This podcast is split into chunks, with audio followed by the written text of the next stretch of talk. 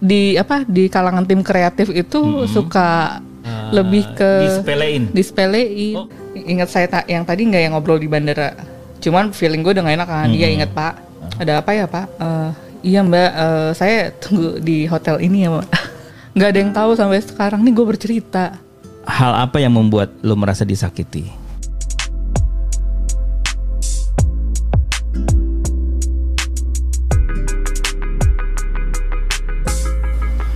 Ya teman-teman, kita ketemu lagi di Unboxing Friend. Kali ini saya kedatangan teman namanya Manda. Ya, Yeay. akun IG-nya apa ya? Mau dikasih tahu nggak? Akun IG-nya. Mm-mm. Gak usah dikasih tahu. Oh nggak usah dikasih tahu. Oke. Pakai nama alternatif soalnya. Oh, alternatif, Alternatif. alter Alter dan native. atau alter Kan ego. Alternatif kan anak-anak eh, milenial ke sini kan eh, Sukanya. digital native ya. Digital natif. Digital native. Jadi, Jadi- alternya alternatif. Natif. Bukan digital natif, tapi alternatif. Alternatif. Alter ego di Natif. kalangan native. gitu. Kagak jelas lu. Iya kayak gitu tuh. gue dapat istilahnya dari Pak Leo. Eh tunggu tunggu. Mm-mm. Itu apaan? Look at the stars. Eh, ini eh, yang yang yang melakukan kayak gini tuh biasanya orang-orang yang Oh, dapet kecewa karena nggak kebagian eh, tiket war Coldplay ya. iya nggak dapat tiket war. Tapi nggak Iya. apa-apa. Iya tapi tiket war itu kan akhirnya beberapa orang tuh lari ke Singapura ya. Iya. Gue belum lari ke Singapura tapi. Iya, tapi teman kita tuh udah dapet tuh. Udah dapet, gimana nih? Si BGS itu. Halo BGS. Bagi-bagi kali mas. Eh, eh, dia dan ternyata di Singapura lebih murah ya. Lebih murah. Gitu. Tapi lagi nunggu konser apa ini? Eh, gua Soneta Group sih yang gue tungguin. Bang Haji Oma Roma- Irama atau Roma Roma Irama. I- itu keren loh konser Soneta Group itu kayak gitu. Coba nyanyiin satu lagu dong. Hah? Selain begadang jangan begadang. Iya. Bila kamu di sisiku. Ya 105,8 eh 105, 107,8 FM kembali lagi eh, di radionya Internet Sehat. Bang kita mau ngomongin apa hari ini bang?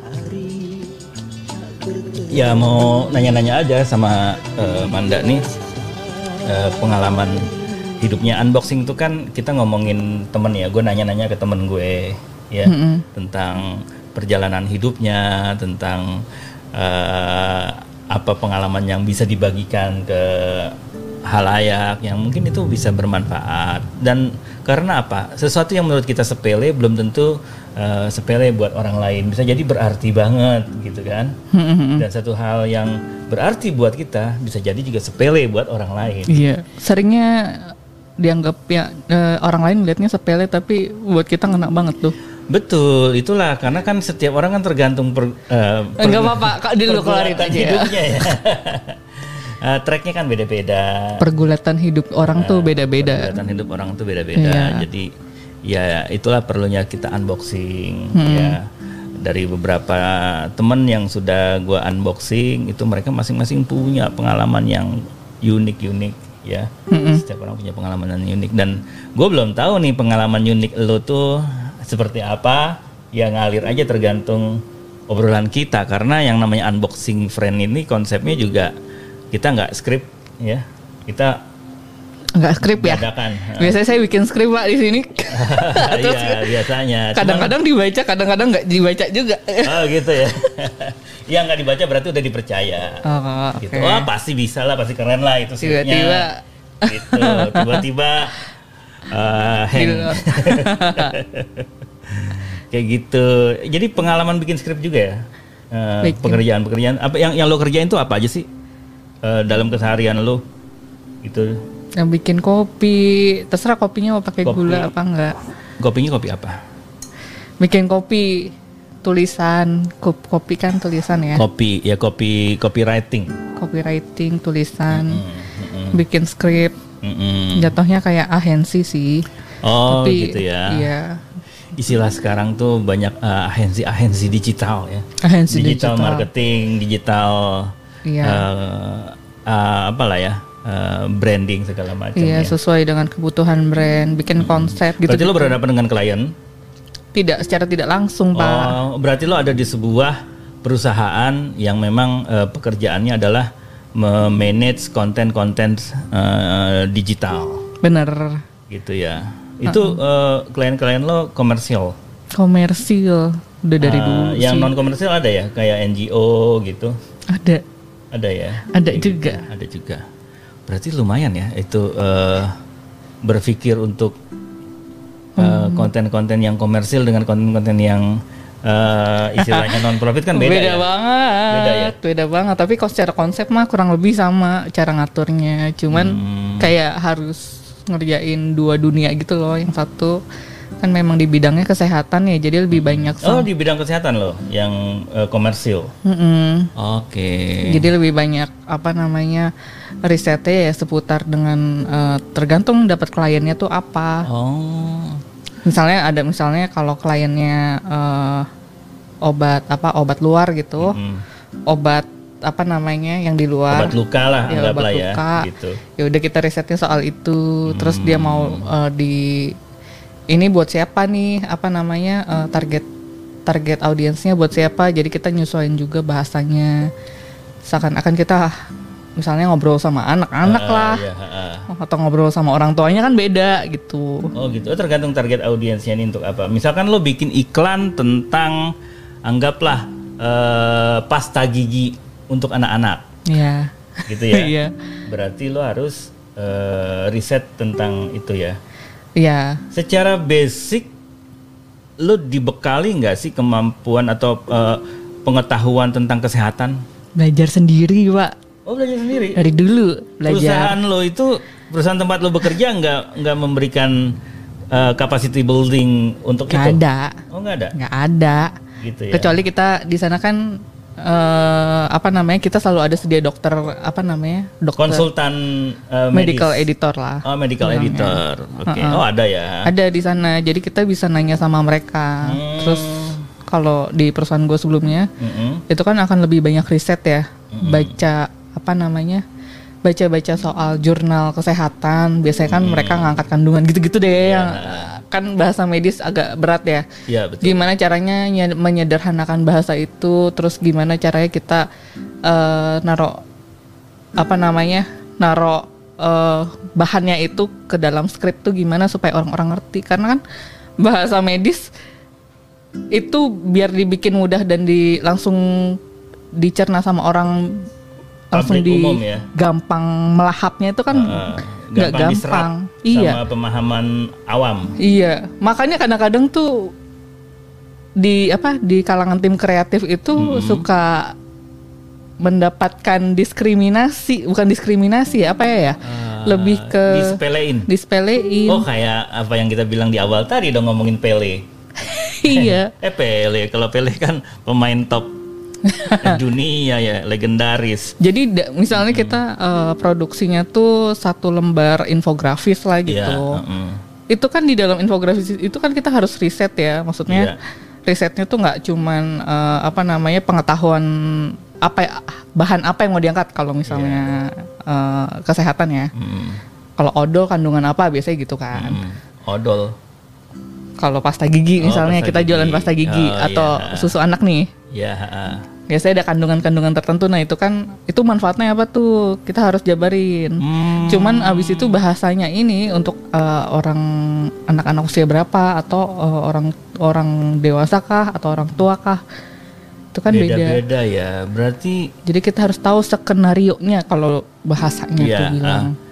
lo ngalamin gak nih? Lo kan udah ngerjain ya satu anggaplah satu infografis untuk ditampilkan di eh, media sosial. Lalu eh, sebelum diupload kan eh, minta approve dulu kan sama eh, atasan lo gitu ya.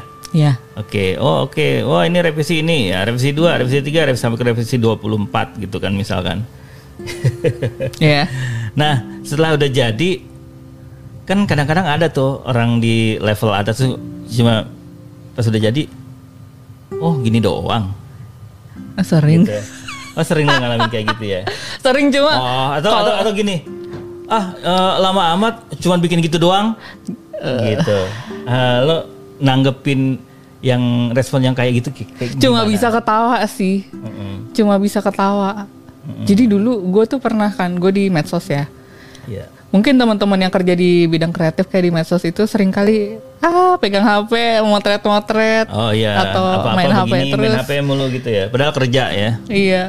Itu stres tau. Hmm. Ntar lu lama-lama ngalamin namanya eh, digital fatigue. Oh, digital fatigue ya. Gue tuh gue tuh bayangin dulu gue meds- megang medsos terus gue sama sekali pengen uninstall semua medsos gue tapi gue nggak bisa sampai segitu Karena pekerjaan. karena capek Oh karena capek. tapi karena pekerjaannya kan akhirnya berkutat terus kan Mm-mm. nah waktu itu gue pernah dapat selentikan dari teman gue. Waktu itu kerja di radio kan. Mm-mm. di radio kita selain ngurusin radio kan eh, kalau ada advertising masuk kan kita ngurusin kopi juga kan. Iya. temen gue bilang gini di di medsos kan kerjanya gitu-gitu doang. Terus gitu. Oke. gue cabut dong. Gue dapet tawaran kerjaan lain. Ya udah gue cabut kan.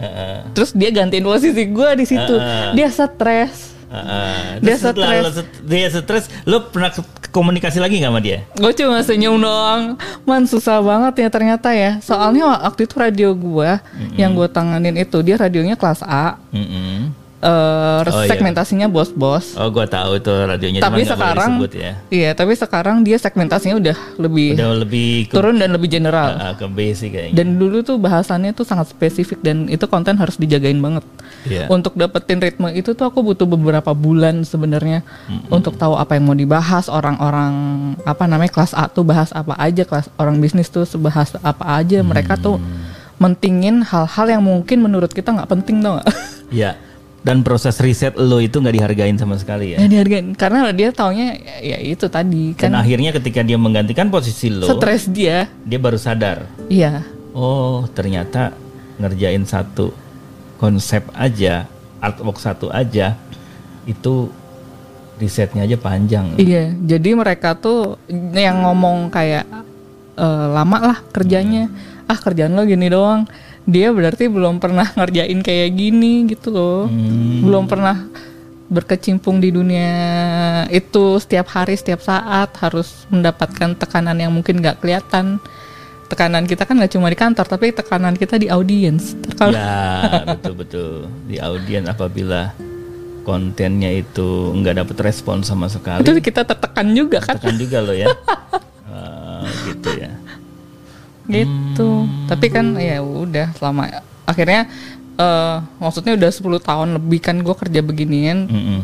terus dapetin respons yang kayak gitu ya akhirnya cuman bisa senyum sama ketawa doang.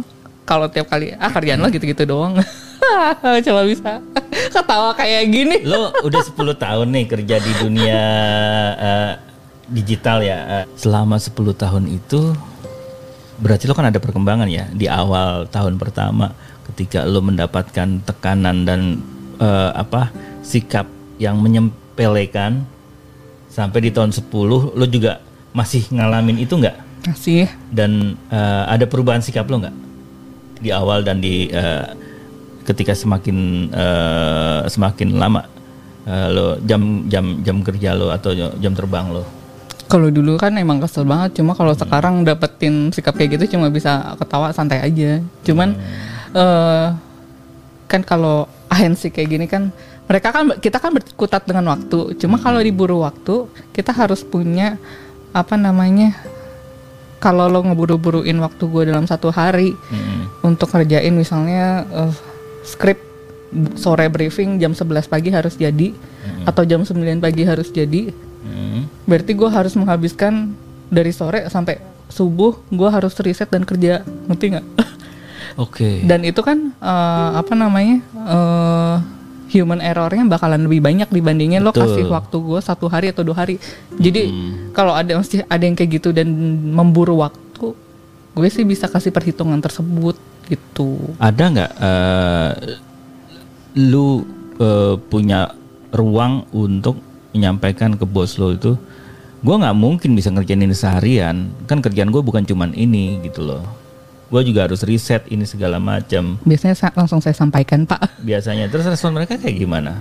Lo sampai eh, pagi lo ngeriset gitu lo kurang tidur akhirnya beberapa nih teman-teman gue ya beberapa teman gue yang memang kerjaannya sama kayak lo ya yang bikin-bikin konten eh, digital itu rata-rata eh, eh, apa eh, insomnia loh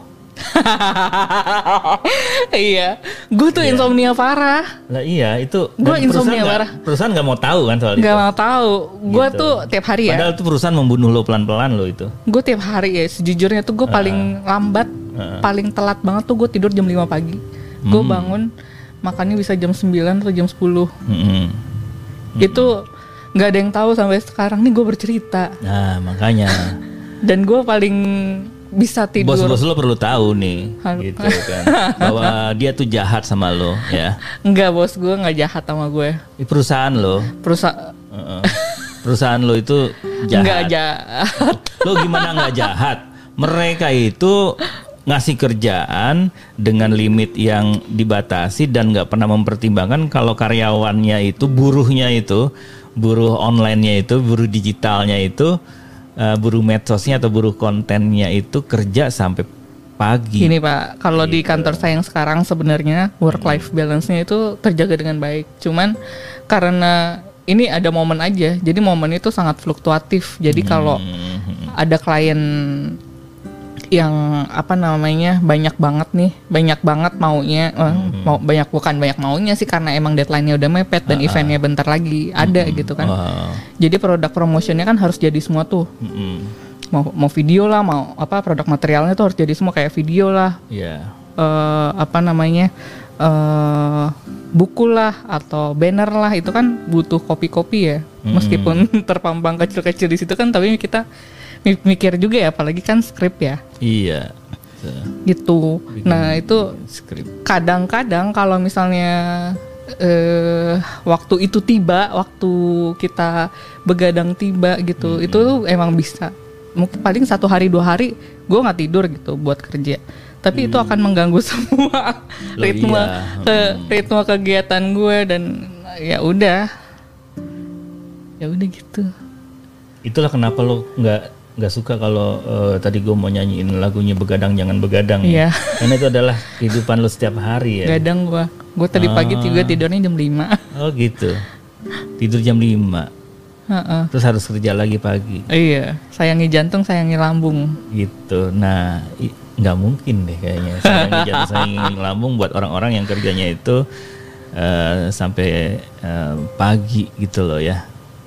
Iya gitu deh Tuh, makanya banyak eh, orang-orang kreatif itu yang eh, tipes, penyakit kuning, GERD. ini gue mau gitu, diabsenin sakitnya jantung. Ya nggak usah. Ini ra- rata-rata, rata-rata gitu. Tapi kan. gue udah kena satu lambung kemarin. Oh gitu ya, Terus- lambung mangkurat. Oh, iya, lambung masuk rumah sakit. Oh. Ternyata kan gue ber, nggak sebenarnya gue udah tahu sih. Mm-mm. Secara lambung itu jantung gue juga kepengaruh. Sementara Iyalah, jam, ketekan. sementara jantung gue emang dalam kondisi punya kelainan. Ya. Kalau gue sih alhamdulillah sehat-sehat aja sih. Oh iya. Tuh. ada ada itu kartu harapan kita. Katanya Babeh nih, nih. katanya Babeh Helmi. Gimana? Semua yang ada Halo di Be, dengerin nih, nih. murid lu nih Be mau ngomong nih Be. Oke. Babe Helmi. Jadi semua murid-murid Babe eh, yang diajarin eh, Om Ian ngajarin Babe streaming. Iya, heeh. Om Ian udah kena jantung Babe.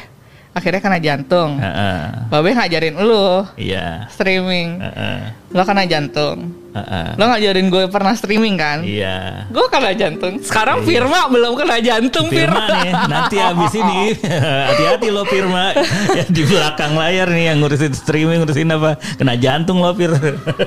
Sama Mas Riki. Ricky juga tuh hati-hati aja gitu. Iya sih. Eh, Kalau katanya, Babe, iya. Babe Helmi itu senior kita ya di urusan kayak gini-gini. Jadi katanya Mas Ian gini eh, nasihatnya. Mm-mm. Hin, eh, ya sayangi jantung, hindarilah orang-orang toksik. Oh iya, orang-orang toksik ya. Emang menurut lo toksik itu orang-orang kayak gimana? Orang-orang toksik, ya seperti yang tadi gue bilang ya, orang-orang yang eh, suka menyepelekan pekerjaan kita, itu dianggapnya kerjaan kita bikin konten itu cuma ya cuman buka Canva doang aja susah amat sih. Kayak gitu. Padahal meskipun cuma bikin Canva ya ini buat eh, orang-orang di eh, sana yang suka menyepelekan pekerjaan orang-orang konten ya. Meskipun cuma bikin pakai Canva itu bukannya nggak mikir tetap mikir. Apa lo mau plek ketiplek pakai template yang ada? Kan nggak juga apa lo mau plek ketiplek pakai gambar yang ada? Kan nggak juga. Harus yang gambar kita. Gitu. Ketika mau ada logo juga harus pakai logo yang ada. Dan itu harus diproses juga. Ya. Iya. Nah, jadi nggak ada yang sepele dalam pekerjaan apa pun, bahkan tukang sapu yang katanya itu kerjanya cuma nyapu jalanan doang. Lo pikir itu sepele? Enggak. Lu coba kerjaan itu Lo, tiap hari. lo coba, jadi coba sapu. itu tiap Sehari aja lo jadi tukang sapu ya di taman. Karena kerjaan lo cu- bukan cuma nyapu dong, lo akan berhadapan dengan orang-orang yang lewat di jalanan tiba-tiba Nah, betul. Buang buang sampah. sampah Di sembarangan, depan belum lagi lo. ada orang lagi yang ah, kita nggak tahu kan Apalagi tukang sapu taman dekat rumah gua kemarin. apa. Di danau. Lagi siap-siap kerja pagi ada yang gantung diri di pohon akasia. Itu mereka duluan yang tahu kan? Astaga. oh yes, itu ya mereka harus lapor ke keamanan harus hubungi segala macam. Sampai akhirnya itu eh, orang yang gantung diri kemarin tuh hari Sabtu pagi ya eh, Jed- iya. ditangani dengan baik Berarti kan nggak ada pekerjaan yang bisa disepelein Nggak kan? ada ya bahkan ngupil aja lo pikir sepele Kalau nah, gue mau tahu dari lo.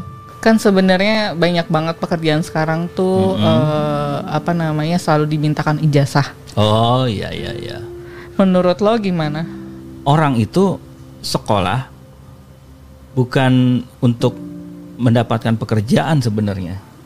Hmm. Tapi sekolah dia itu agar bisa eh, ya meningkatkan kemampuan berpikirnya. Hmm. Gitu aja sebenarnya bersosialisasi.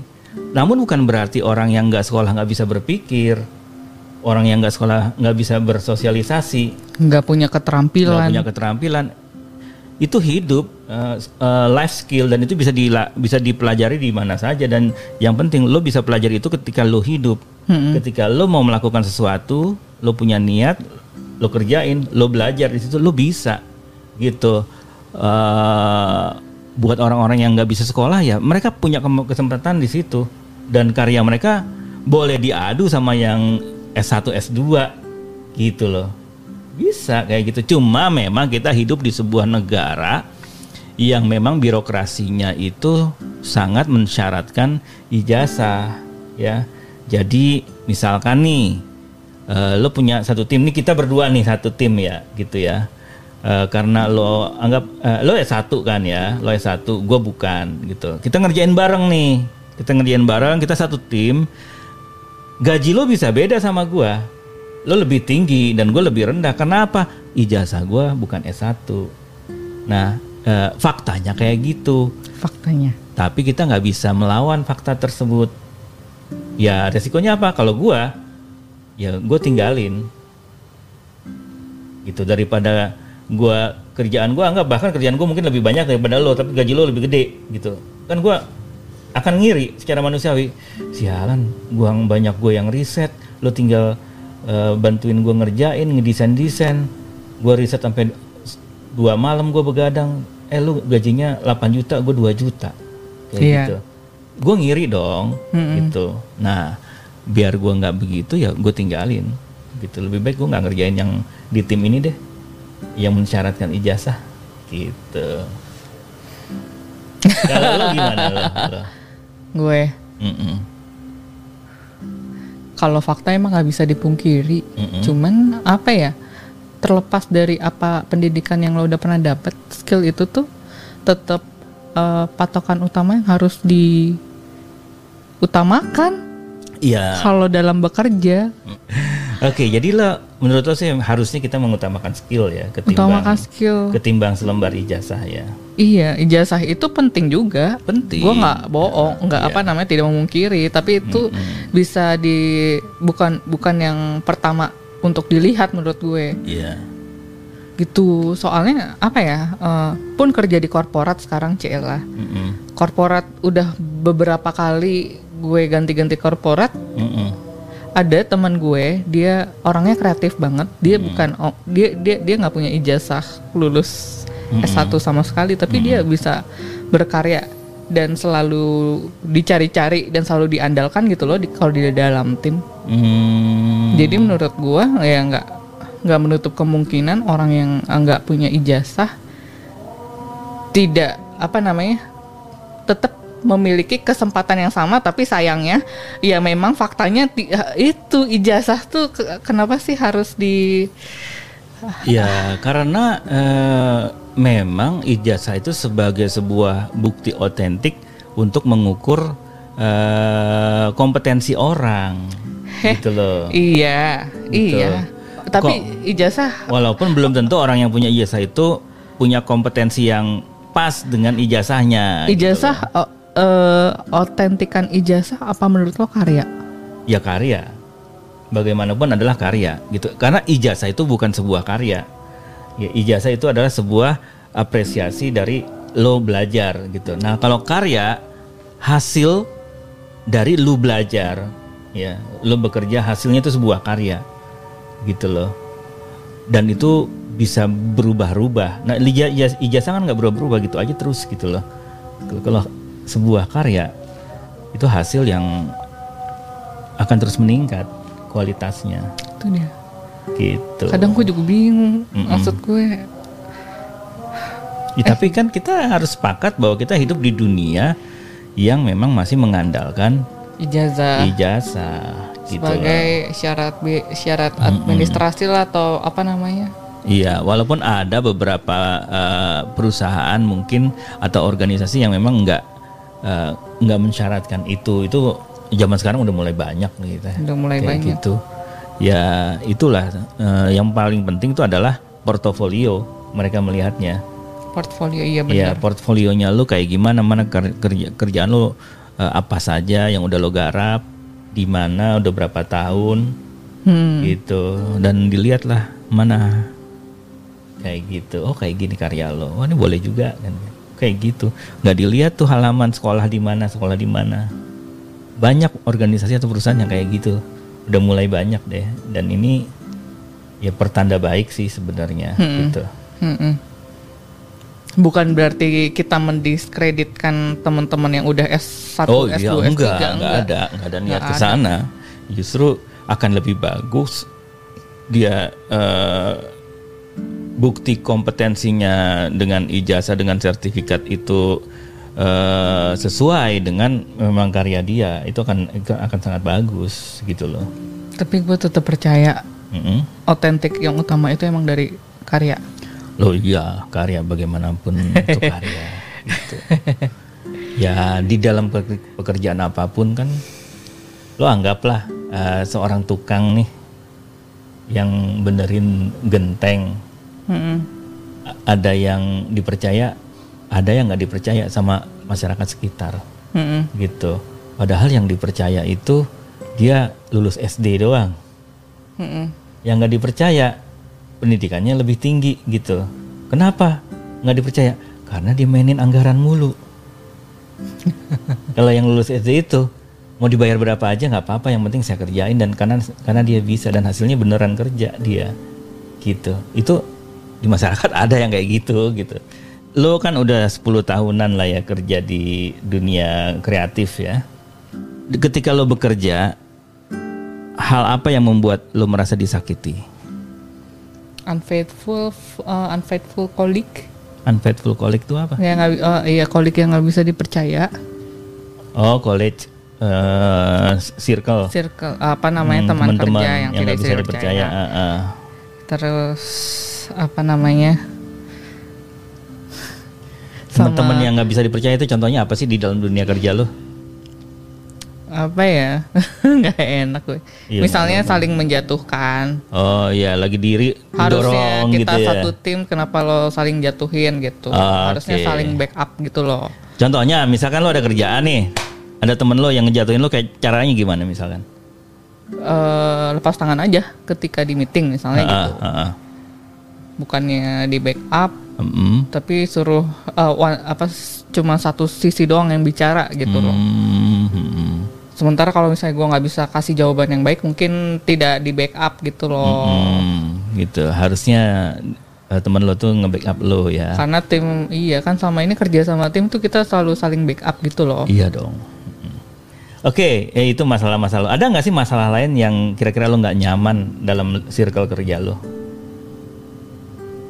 Eh, lingkungan sih Oh, lingkungan Lebih- yang kayak gimana?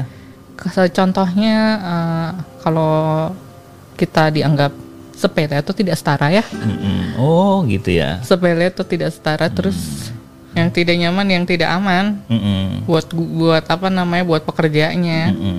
Dikasih perlindungan yang jelas nggak sih kan dulu kan Oh, gitu. iya Perlindungan yang bukan jelas tuh- asuransi ya Oh, bukan. Apa dong? eh Merasa nyaman di circle di lingkungan kerja. iya Jaminan kenyamanan di, di- ketika lo ada di lingkungan beker- pekerjaan. iya ke mana saya harus mengadu gitu oh, gitu. kan dulu kan gue kerja di media ya Mm-mm. Ada di dua media Mm-mm. dan kerja- ternyata kerja di media itu eh, mempertemukan gue sama banyak manusia yang Mm-mm, Macem-macem. macam-macam banget Mm, mm, Eh, memang sikap-sikap sesama pekerjanya tuh terkadang mm-mm. eh bercanda tapi melenceng tau nggak Eh, melecehkan gitu loh mm, Biasanya candaan-candaan kalangan cowok terhadap cewek atau Kalangan- cewek terhadap cowok. Kalangan cowok terhadap cewek tapi Iya. kenapa ke gue gitu loh Oh, gitu. iya apa gue terlalu lempeng mukanya ya Hmm. gue sampai dulu mikir kayak gitu kan Mm-mm.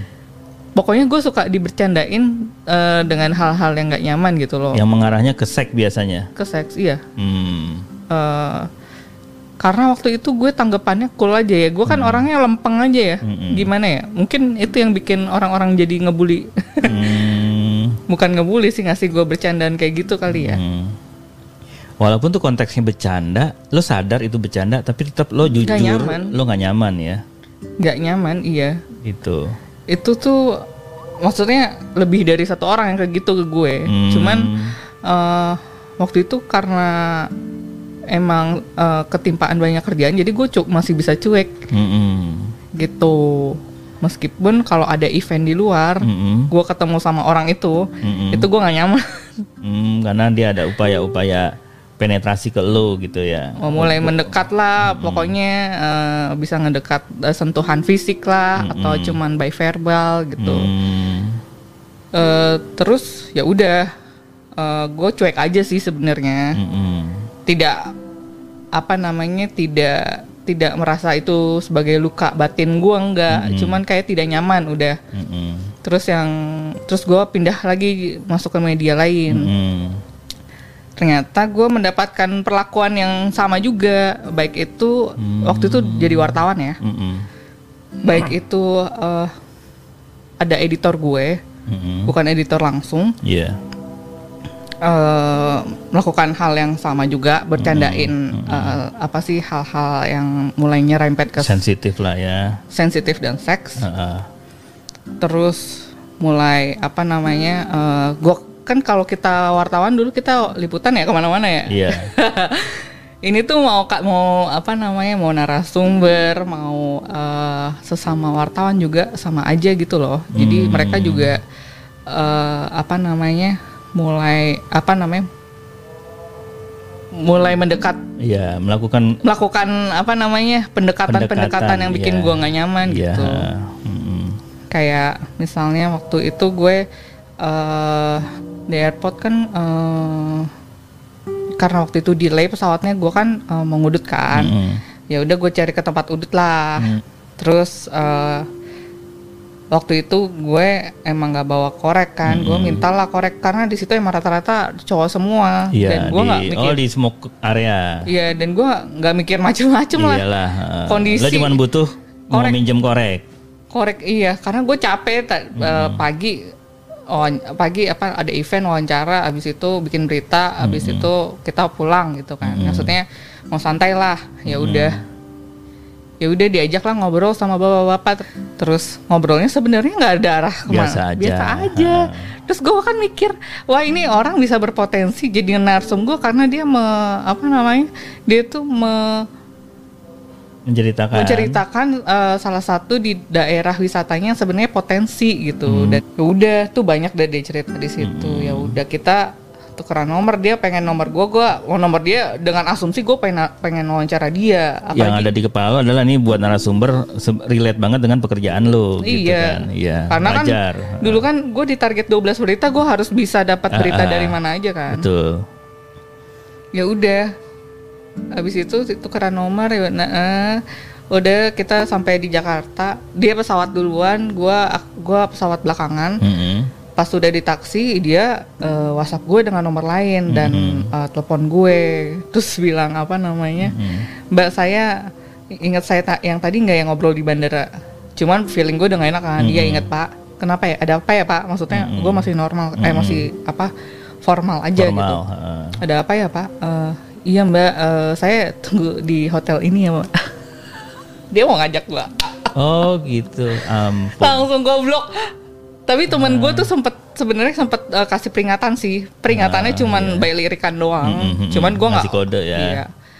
Ternyata begitu sobat. Ternyata Hmm. gue tuh nggak tahu ternyata apa eh, korek itu bisa jadi apa namanya penanda media ya, penanda. media ya. iya Gua- ada jadi kode juga gue sih nggak tahu beneran gue nggak tahu sama sekali bahkan gue nanya teman-teman gue yang cowok lain tuh nggak ada yang ngasih tahu gue itu apa mereka mau nggak mau ngasih tahu gue gitu gitu cuman ada satu teman gue waktu itu pernah bilang sama gue lu kalau mau ngudut pakai kok pakai eh, apa rokok gue aja jangan minta yang lain Mm-mm. tapi dia ngomong serius mungkin itu juga salah satu cara teman gue melindungi gue gitu Iya.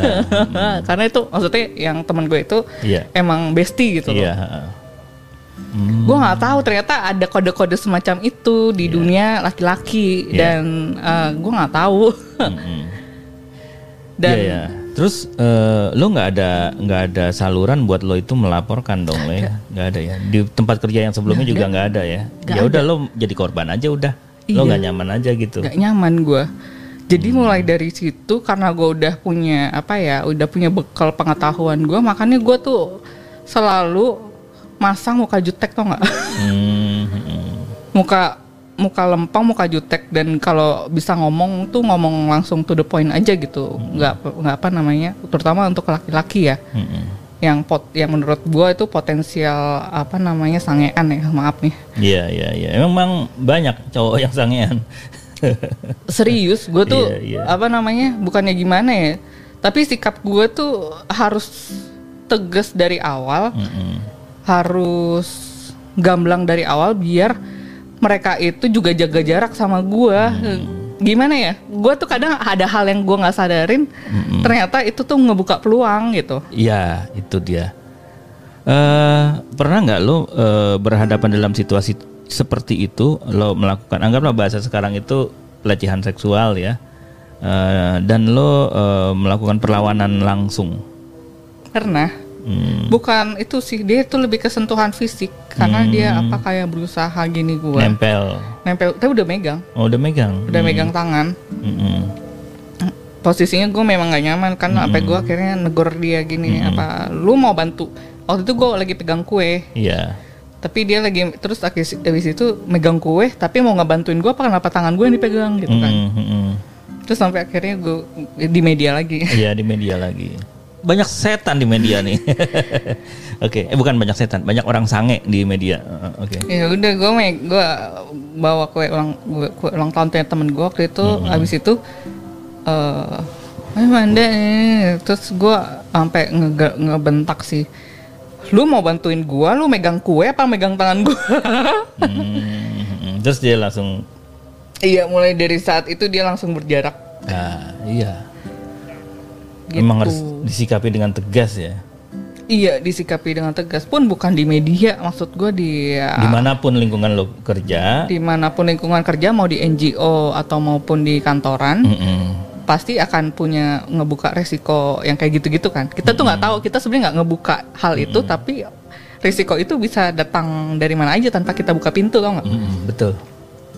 Jadi Iya, sangat mungkin sih, sangat mungkin. jadi ya udah kalau lo udah mulai ngerasa tidak nyaman, menurut gua ya udah set set apa ditepis lah.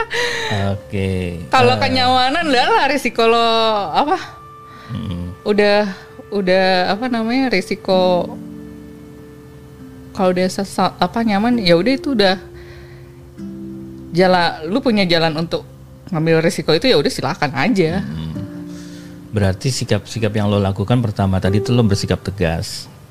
Dan yang kedua, kalau gue boleh nyimpulin ya, ya lo itu eh, harus eh, pandai-pandai membaca situasi ya. Istilahnya lo harus punya radar terhadap istilahnya kalau gue sih isi- mengistilahkan radar sange gitu loh.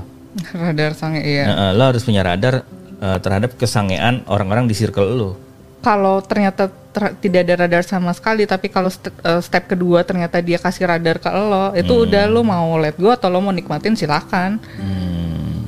dan yang lo lakukan adalah lo langsung memutus kontak. Mutus kontak lagi lah gue mau bekerja dengan tenang kalau kata Lia. Halo Lia. Jadi harus apa namanya harus benar-benar aware. Ini mau nggak cewek nggak cowok ya ngomonginnya nggak nggak cuman cewek doang tapi cowok pun mungkin lo juga punya pengalaman tapi lo nggak tahu ternyata itu membuka pintu risiko Iya. padahal lo nggak buka pintu itu sama sekali kan Ya ada. Jadi pelaku sange, orang sange itu nggak cowok nggak cewek, iya itu sama aja. Kita nggak bisa ngelihat, wah eh, pelaku sangean tuh cowok semua terhadap cewek, enggak gitu. Cewek terhadap cowok juga banyak gitu loh. Cewek sebagai korban ada, cowok sebagai korban juga ada gitu loh. Mm-mm. Itu faktanya kayak gitu. Jadi kita jangan ngelihat lu cewek atau lu cowok. nggak gitu. iya gue juga nggak Yang setuju dilihat adalah lu sange atau enggak gitu aja gitu. Lo sangean atau enggak gitu.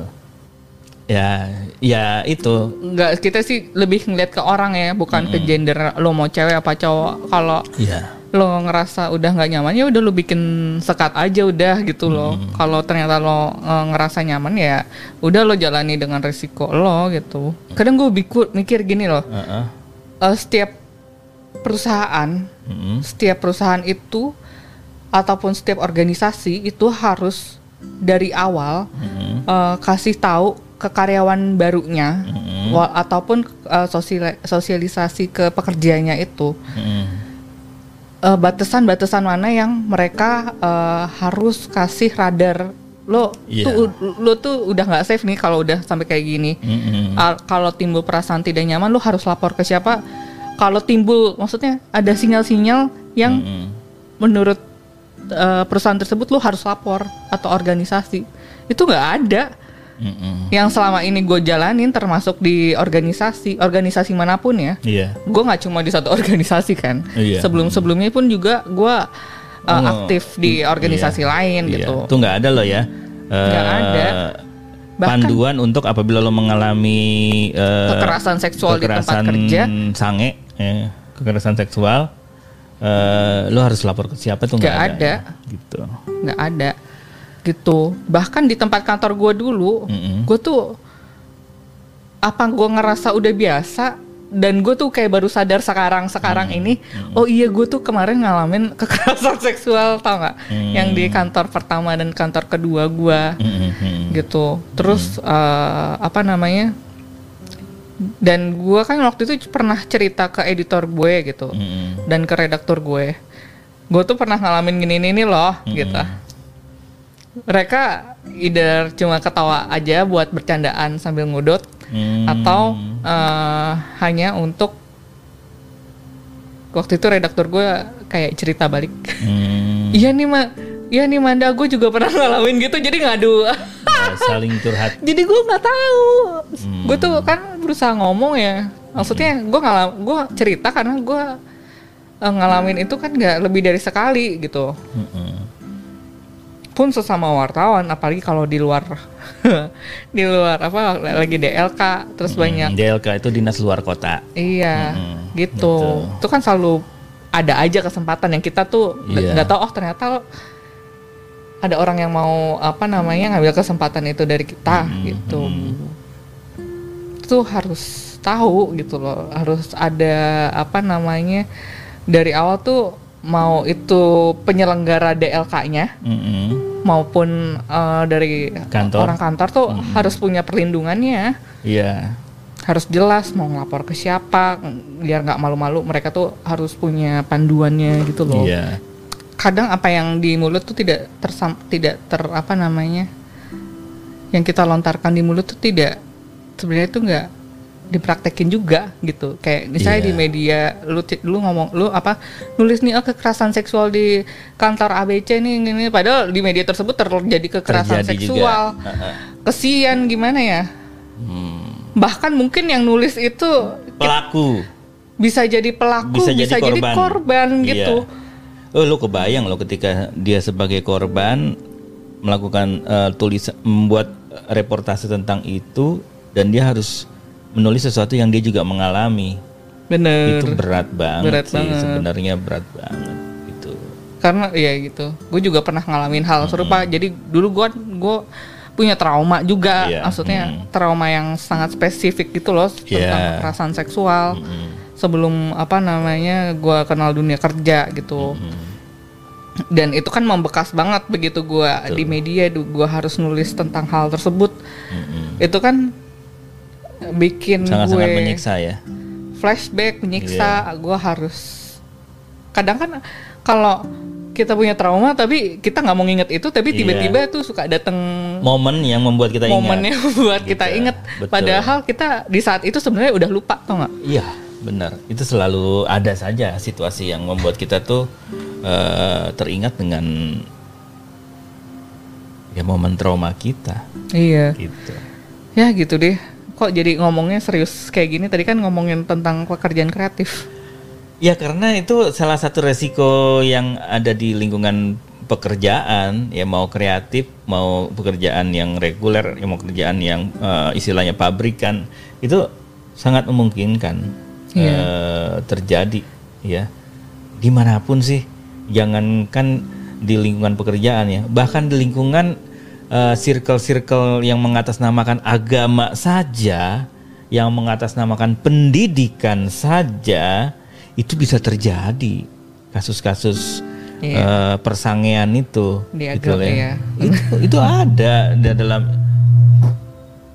di dalam institusi agama dalam institusi pendidikan di semua sektor lah itu terjadi di partai politik juga terjadi gitu di pemerintahan Benar, terjadi di, di semua sektor gitu di semua Iya. sektor nggak Gitu. ya di mana pun bisa terjadi sih Iya, bisa terjadi di mana pun gitu ya.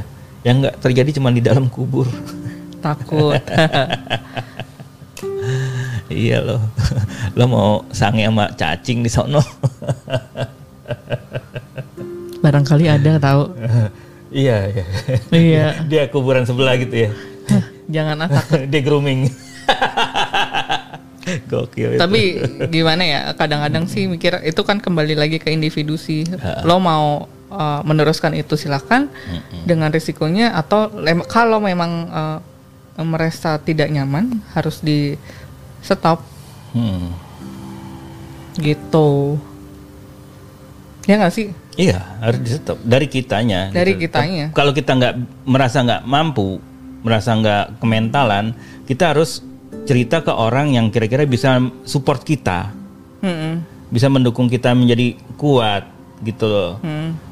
Kalau emang eh, nggak ada, ya lo harus memutuskan lo akan bertahan menjadi korban atau lo harus cari tempat lain yang lo akan nyaman dengan resiko lo akan kehilangan penghasilan lo kayak gitu nggak ada pilihan iya gitu. Kecuali lo bisa memonetize posisi lo yang disangein sama teman kerja lo lo bisa mendapatkan eh, fasilitas atau eh, apa eh, privilege yang lebih enak lo bisa mendapatkan eh, Ini bukan- penghasilan yang lebih baik. Ya itu ya hak lo tadi kan kita udah kita bahas gitu lo silakan kalau lo merasa nyaman gitu dengan resiko lo sendiri gitu loh mau lo nya ketika lo ngeras lo dihadapkan situasi kayak gitu kalau lo tidak nyaman ya saatnya lo stop gitu stop Mm-mm. udah saatnya stop terus lu lapor aja gitu sesuai dengan SOP yang ada di tempat kerja lo. Cuman ada nggak sekarang masalahnya buat Iya. SOP tempat kerja untuk melapor dengan nyaman dan aman gitu. Mm-mm. Ya di beberapa perusahaan dan organisasi sih sudah mulai aware tentang kasus kekerasan seksual eh, di tempat kerja ya.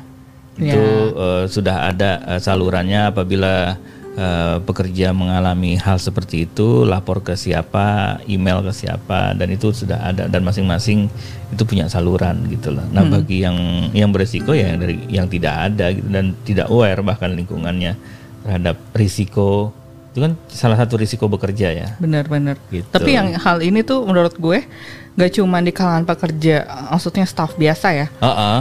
pun di kalangan yang kayak eh, atasan-atasan manajemen tim pun kalau misalnya mereka mengalami hal yang sama, mereka punya hak juga loh untuk eh, melapor. Oh iya, semua itu kan berlaku se- setara. setara dan maksudnya kan kadang-kadang orang tuh mikir cuma dibuat di kalangan pekerja doang kali, padahal bukan. Oh, bukan. Itu Iya. Untuk semuanya gitu loh. Iya, untuk individu yang bekerja di organisasi maupun di perusahaan tersebut. Perusahaan. Ini tadi ngomongin kopi kreatif jadi ngomongin ginian dah. Lah iya kan resiko kerja. resiko kerja ya awalnya kita ngomongin kopi kreatif, lalu ternyata di dalam lingkungan kerja kopi kreatif lo juga mengalami hal-hal yang seperti tadi kan.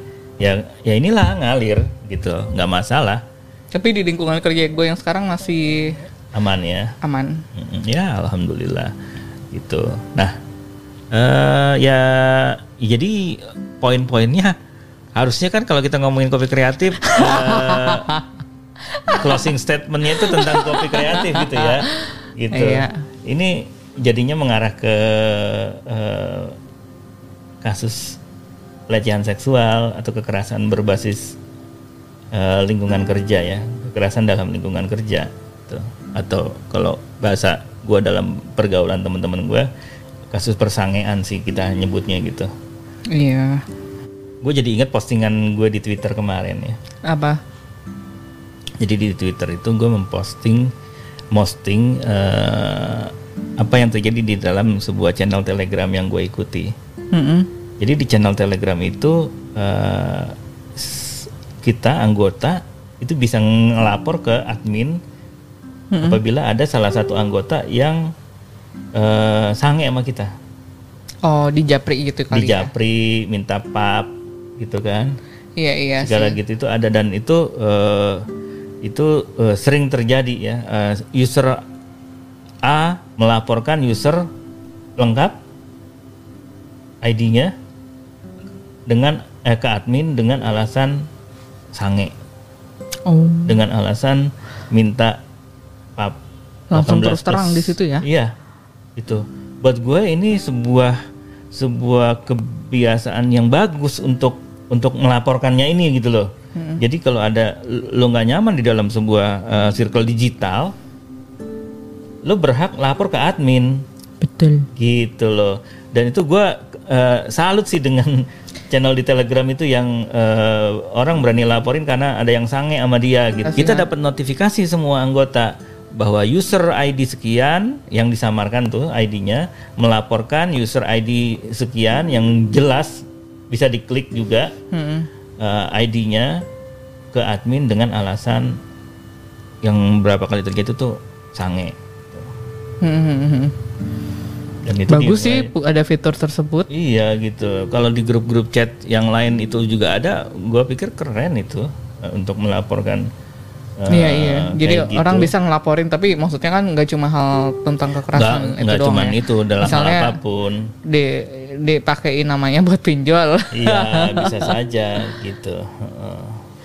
Manda makasih ya lo udah eh, mau ngobrol-ngobrol sama gue tentang pengalaman lo bekerja di dalam dunia kreatif dan juga termasuk resiko yang lo hadapi di dalam lingkungan kerja lo. Mudah-mudahan eh, apa yang kita obrolin ini juga memberikan satu eh, picuan atau memicu eh, teman-teman yang nonton itu bagaimana harus bersikap apabila eh, menghadapi kondisi-kondisi yang kita bahas tadi eh, dari awal maupun sampai akhir gitu. Tuh.